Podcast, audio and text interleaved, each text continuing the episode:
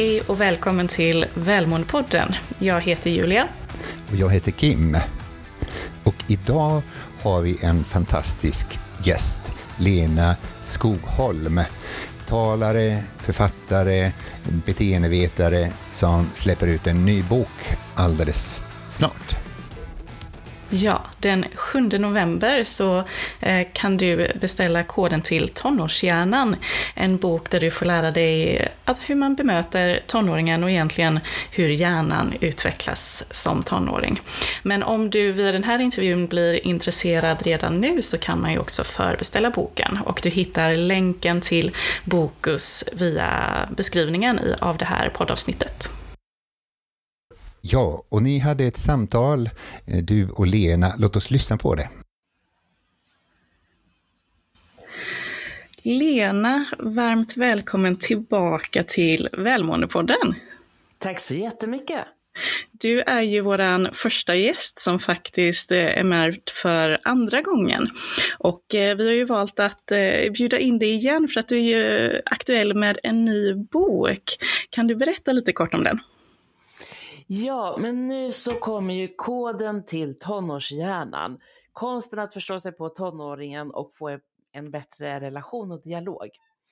Eh, och eh, vem vill inte ha det tänkte jag. Men visst är det så att under tonåren, tonåren då kan det liksom ställa till det lite för oss på olika sätt på grund av att ja, hela hjärnan byggs om hos tonåringen.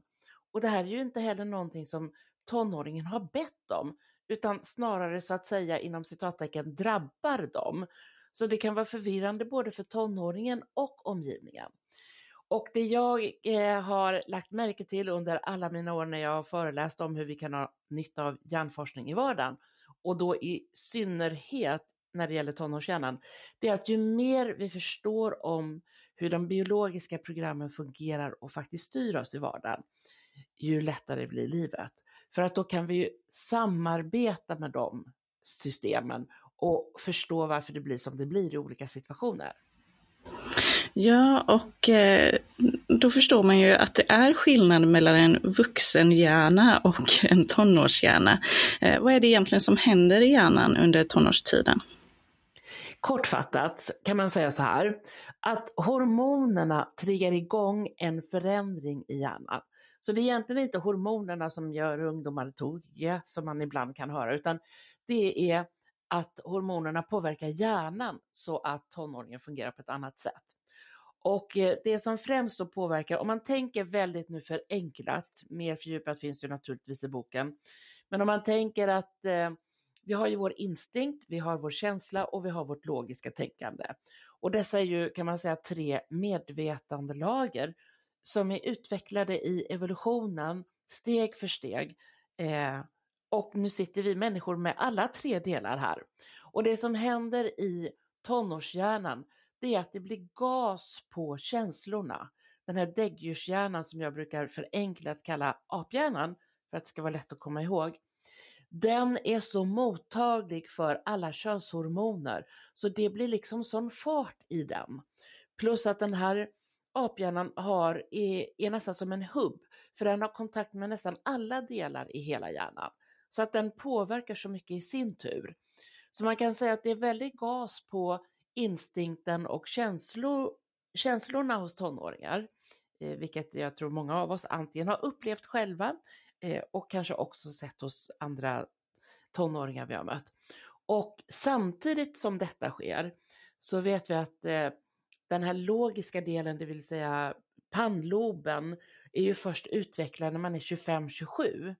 Så alltså den logiska delen som jag förenklat kallar för människohjärnan, den är ju inte alls utvecklad på det sättet i kombination med att den helt och hållet håller på att byggs om. För nu ska vägar man inte har använt och därmed inte verkar behöva kapas bort och vägar man använder, de ska blir liksom bredare och därmed går signalen snabbare. Så det är alltså ett virvar i den där logiska människohjärnan samtidigt som det är gas på känslorna och instinkten. Där kan man säga allt i ett nötskal och sen finns det fler faktorer. Ja, Så det är otroligt mycket som händer i en tonårings hjärna helt enkelt. Ehm, och hur påverkar egentligen det här en tonårings välmående? Tonårshjärnan är extra sårbar för stress. Eh, och sen i samhället som vi alla vet idag så är det ju en alldeles för mycket av stress, en överdos av det skulle jag säga. Och jag tycker om man föreställer sig detta, tänk hur det är om du har en mataffär som du ofta går och handlar till och du kan alla gånger, du vet liksom hur du snabbt tar dig för att få tag på din matvaror och snabbt gå därifrån. Men vad händer om affären bygger om? Det blir ju liksom kaos i huvudet. För då gäller inte den mentala karta man har, bort med den och nu måste man alltså bygga en ny mental karta över affären. Det där tycker vi är jättejobbigt, eller hur? Mm. Och man blir så förvirrad och man kan bli irriterad också. Liksom, varför ska de bygga om nu igen? Det var ju bra som det, det var. Tänk dig då att det är så för tonårshjärnan i princip hela tiden. Det här är ju en metafor, men för att vi ska öka förståelsen. Därför att i tonårshjärnan håller det på att byggas om massa vägar hela tiden. För det kapas massa förbindelser och vissa stärks. Och det är klart att vi känner oss stressade om då vi går i denna mataffären och vår lilla mentala karta just över mataffären håller på och eh, ska uppdateras. Och så tänk dig då att man känner sig att man får någon ytterligare belastning när ens mataffär just håller på att bygga om. Och så är man där i affären och så händer det saker, du måste göra det här, du måste göra det här, du måste göra det här. Man har ju redan fullt upp med att hitta vägen ut från mataffären, eller hur?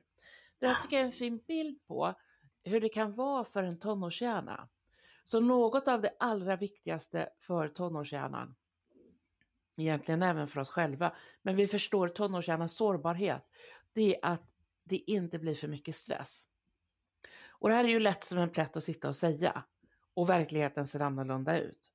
Och då tänker jag, hur kan vi hjälpa och stötta tonåringar oavsett om vi möter dem privat, hemma eller om det är i en arbetssituation? Hur kan jag samarbeta nu med hjärnans förutsättningar så att jag underlättar för tonåringen? Och nyckeln är om det är gas på känslorna, det som är behovet när vi så att säga processar någonting i den delen av hjärnan. Det här är ju förenklat men mer fördjupat finns ju både att hitta på min hemsida förresten och framförallt i boken. När vi processar i aphjärnan förenklat det är som att aphjärnan säger, jag har massa känslor, känn dem med mig.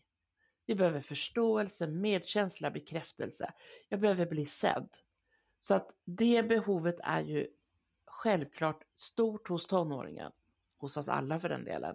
Men samtidigt håller ju tonåringen på att forma sitt eget jag. Så det är ju en hjälp till att komma framåt här. Och att komma med ytterligare, till exempel, ja men nu har du ju inte gått ut med soporna, jag har ju bett dig flera gånger. En sån kommentar, det ökar ju stressen. Kan vi säga det på något annat sätt? På något liksom mer samarbetstänk-sätt. Jag vet mm. att du har jättemycket. Tror du att du hinner ta med soporna när du ändå går ut nu? Alltså det blir två helt olika saker i tonårshjärnan.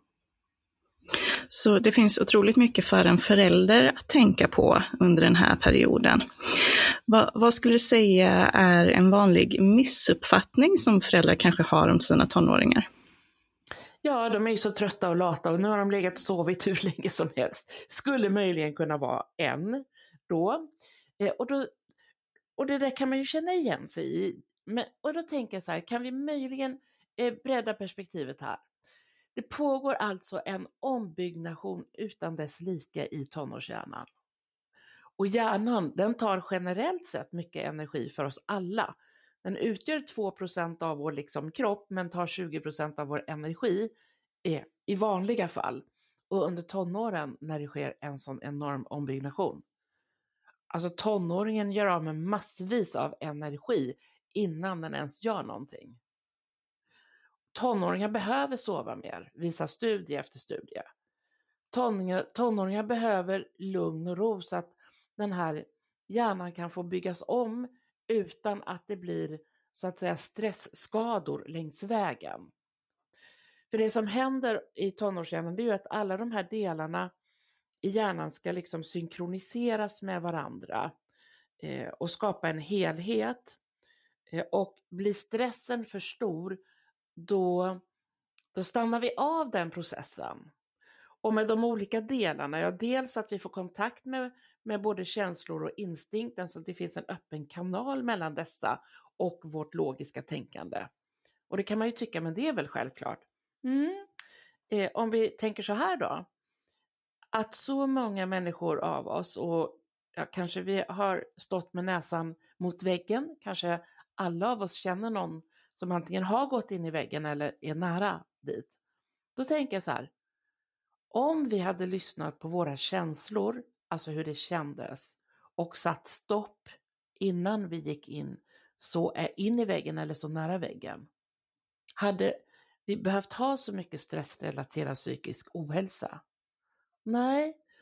Och samtidigt vill jag direkt lägga till att det här är ju inte ett individproblem så att säga, utan det här är ju ett, en struktur och ett samhälle vi lever i som jagar på oss.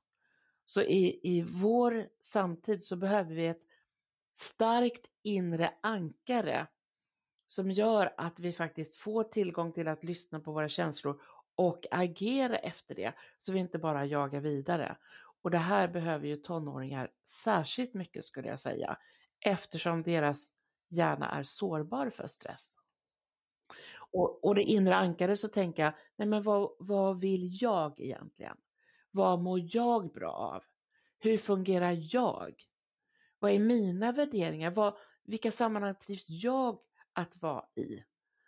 Och det här är inte att är liksom egoistiskt, utan det handlar om egoistiskt, det är ju när, när jag är mer än du, alltså jag sätter mig på någon annan.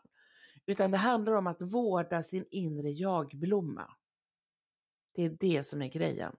Och här eftersom tonåringar inte har utvecklat sin identitet så mycket utan håller på att bli en självständig eh, egen individ på ett liksom mer sätt. Det är klart att alla är egna individer, men nu ska man fördjupa det här under den här tiden.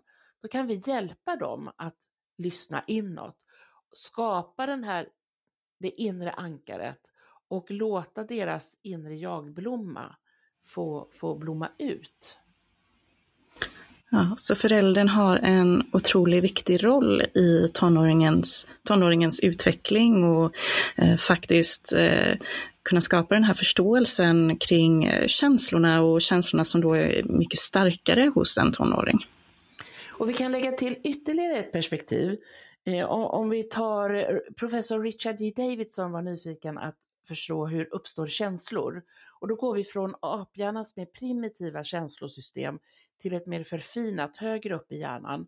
Och han identifierar att vi har ett nätverk som lyses upp på vänster hjärnhalva eh, när vi har positiva känslor i pannloben och eh, ett nätverk som lyses upp på höger hjärnhalva när vi har mer negativa känslor. Och nu kallar jag de här för grådaskhjärnan och solskenshjärnan för att det ska vara lätt att komma ihåg och reflektera över också i vardagen. I varje möte så har vi möjlighet att kicka igång solskenshjärnan hos tonåringen vi möter. Men vi kan ju också råka kicka igång grådaskhjärnan och så blir det väl ibland. Men det här handlar om vårt uppträdande, alltså allt vi säger, gör, vår ordlösa kommunikation. Och där finns så många möjligheter. Därför att hjärnan är ju extremt formbar, det är den här plasticiteten, vilket innebär i praktiken, lika väl som vi kan forma muskler på kroppen, så kan vi forma de olika delarna, större eller mindre då. Och eftersom grådaskhjärnan är redan så stark, man kan nästan säga att det är som världens starkaste man, och så är det en liten, liten svag muskel här på solskenshjärnans sida. Vi behöver bygga upp solskenshjärnan för att få balans mellan dessa. Därför kan vi i mötet med tonåringen, alltså var, i varje möte har vi en chans att bygga solskenshjärnan lite starkare. Och då handlar det om eh, ja, olika sätt att uttrycka sig och det här fördjupar jag ju såklart på mängder av olika sätt i, i boken. Där finns det ja, 15-16 olika tips hur vi just kan tänka kring att eh, sätta igång solskenshjärnan genom vårt sätt att eh, uttrycka oss. Mm. Och dessa tips känner jag är ju otroligt viktiga. Även om man kanske inte är förälder till en tonåring idag så har man förmodligen kontakt med tonåringar på eh, olika sätt och kan faktiskt göra stor skillnad eh, genom, att, eh, genom sätt att uttrycka sig och hur man bemöter tonåringar. Så Lena, när släpps den här boken? Ja, den släpps den 7 eh, november. Och om man vill få... Det är bara om ett par, tre veckor. Så att, ja. Eh, och den finns ju att förboka redan nu om någon eh, skulle vara intresserad och det är på Bokus. Och sen vill jag ju tillägga där med Solskenshjärnan och Grådaskhjärnan att det viktigaste av allt i detta, det är ju tänk efter själv. Vad gör du redan idag i mötet med tonåringen som får solskenshjärnan att lysa? Det vill säga som genererar någon typ av positiv liksom, ansats liksom, eller ton. Och finns det något du kan fördjupa, förfina, om du tänker efter själv, som passar både dig och tonåringen för att skruva upp det här så att solskenshjärnans volym ökar? Fantastiskt, det tycker jag att vi tar med oss och eh, i avsnittets eh, poddbeskrivning så länkar vi till Bokus om du som lyssnar är intresserad av att eh, förbeställa boken på en gång. Lena, tack snälla för det arbete du lägger ner och sprider hoppfullhet och ljus för såväl unga som vuxna. Tack så jättemycket. Och tack för att du ville ställa upp på en intervju här i Välmåendepodden en gång till. Självklart. Ja, vilken fantastisk människa hon är. Alltså hon är så, hon brinner för ämnet och verkligen lyser med expertis. Och eh, ja, hon fångar ju publiken, inte bara på scenen utan även när hon talar. Ja, och hon har ju fördjupat sig inom hjärnforskning de senaste 20 åren och man kan verkligen höra hur hon eh, eh, brinner för ämnet men också hur väl hon eh, vill att vi ska bemöta varandra egentligen. Eh, hon nämnde ju det att många saker är viktigt att tänka på oavsett om man är tonåring eller vuxen. Men inte minst tonåringar som är eh, mer eh, liksom ja, det här med starkare känslor, eh, mer sårbara för stress och den biten. Och det är viktigt att ha det i åtanke som vuxen när man bemöter en tonåring. Och precis som hon säger, en tonårings hjärna är inte fullutvecklad, så den är på, i pågående arbete. Så det är alla som arbetar med tonåringar eller som har tonårsbarn, så det är väldigt bra att ha det i bakhuvudet. Verkligen. Så vi tar med oss den här intervjun och Eh, stort tack till dig som lyssnar på Välmåendepodden. Du kan ju alltid höra av dig till oss eh, via Facebook och Instagram där vi heter Välmåendepodden. Eh, så du får väldigt gärna också göra en recension via den poddplattform som du använder när du lyssnar på oss. Och gå gärna in och beställ boken Gården till tonårshjärna. Tack för att du har lyssnat.